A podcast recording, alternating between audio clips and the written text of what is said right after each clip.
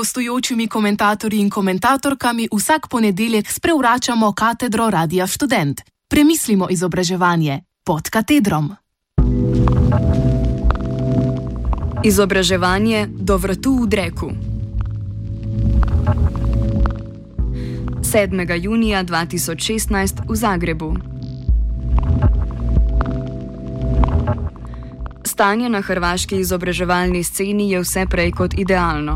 Da bi jo natančneje opisali, bomo izpostavili tri dogodke, ki so v preteklih dneh in to ne samo v izobraževalni sferi, odigrali pomembno vlogo.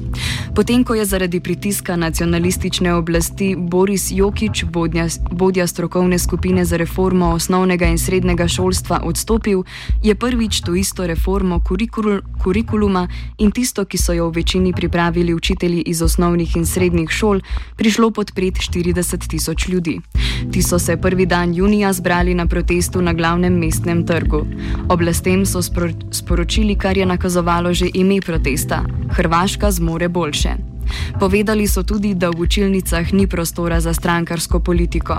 Sramotno je, da se na Hrvaškem otrok ne uči razmišljati, temveč se jih uči samo dejstev, meni javnost. Vsi pa upamo, da se bo reforma šolstva nadaljevala.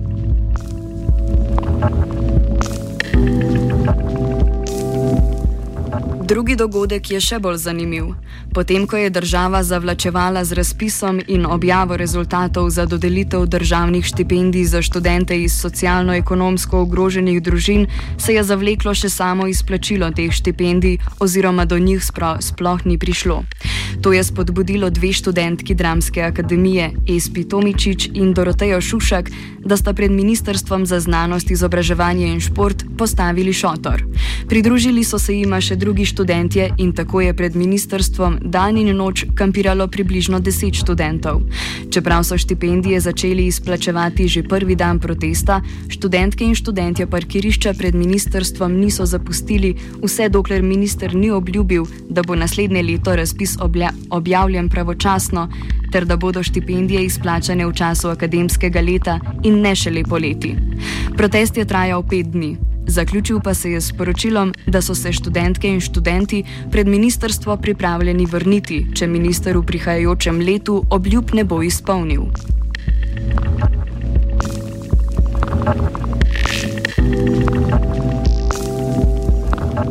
Tretji dogodek, a ne manj pomemben.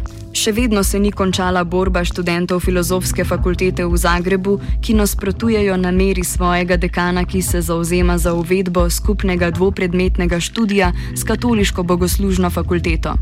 Kljub temu, da so se zaposleni na fakulteti na plenumu izjasnili proti združitvi in da je bila uvedena anketa, v kateri se je pokazalo, da 70 odstotkov študentov nasprotuje skupnemu programu, dekan ustraja pri svojem.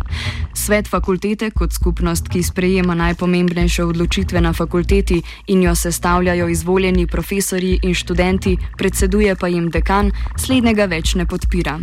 Glede na to, da dekan samovoljno prekinja razprave, ki niso v njegovo korist, so se na minulih sestankih spraševali, koliko jih je do zdaj že bilo organiziranih in na to samovoljno ukinjenih. Študentje in profesori trdijo, da razprave in predhodni sestanki še zdaleč niso končani, saj dekan svetu ne dopušča izbire, da bi lahko izbrali prodekana študenta. Konca te zgodbe še zdaleč ni videti.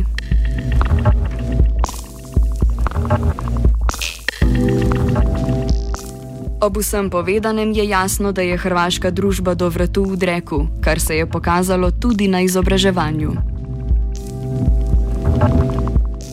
Za radio študent Denis Gaščič, aktivist in študent filozofske fakultete v Zagrebu.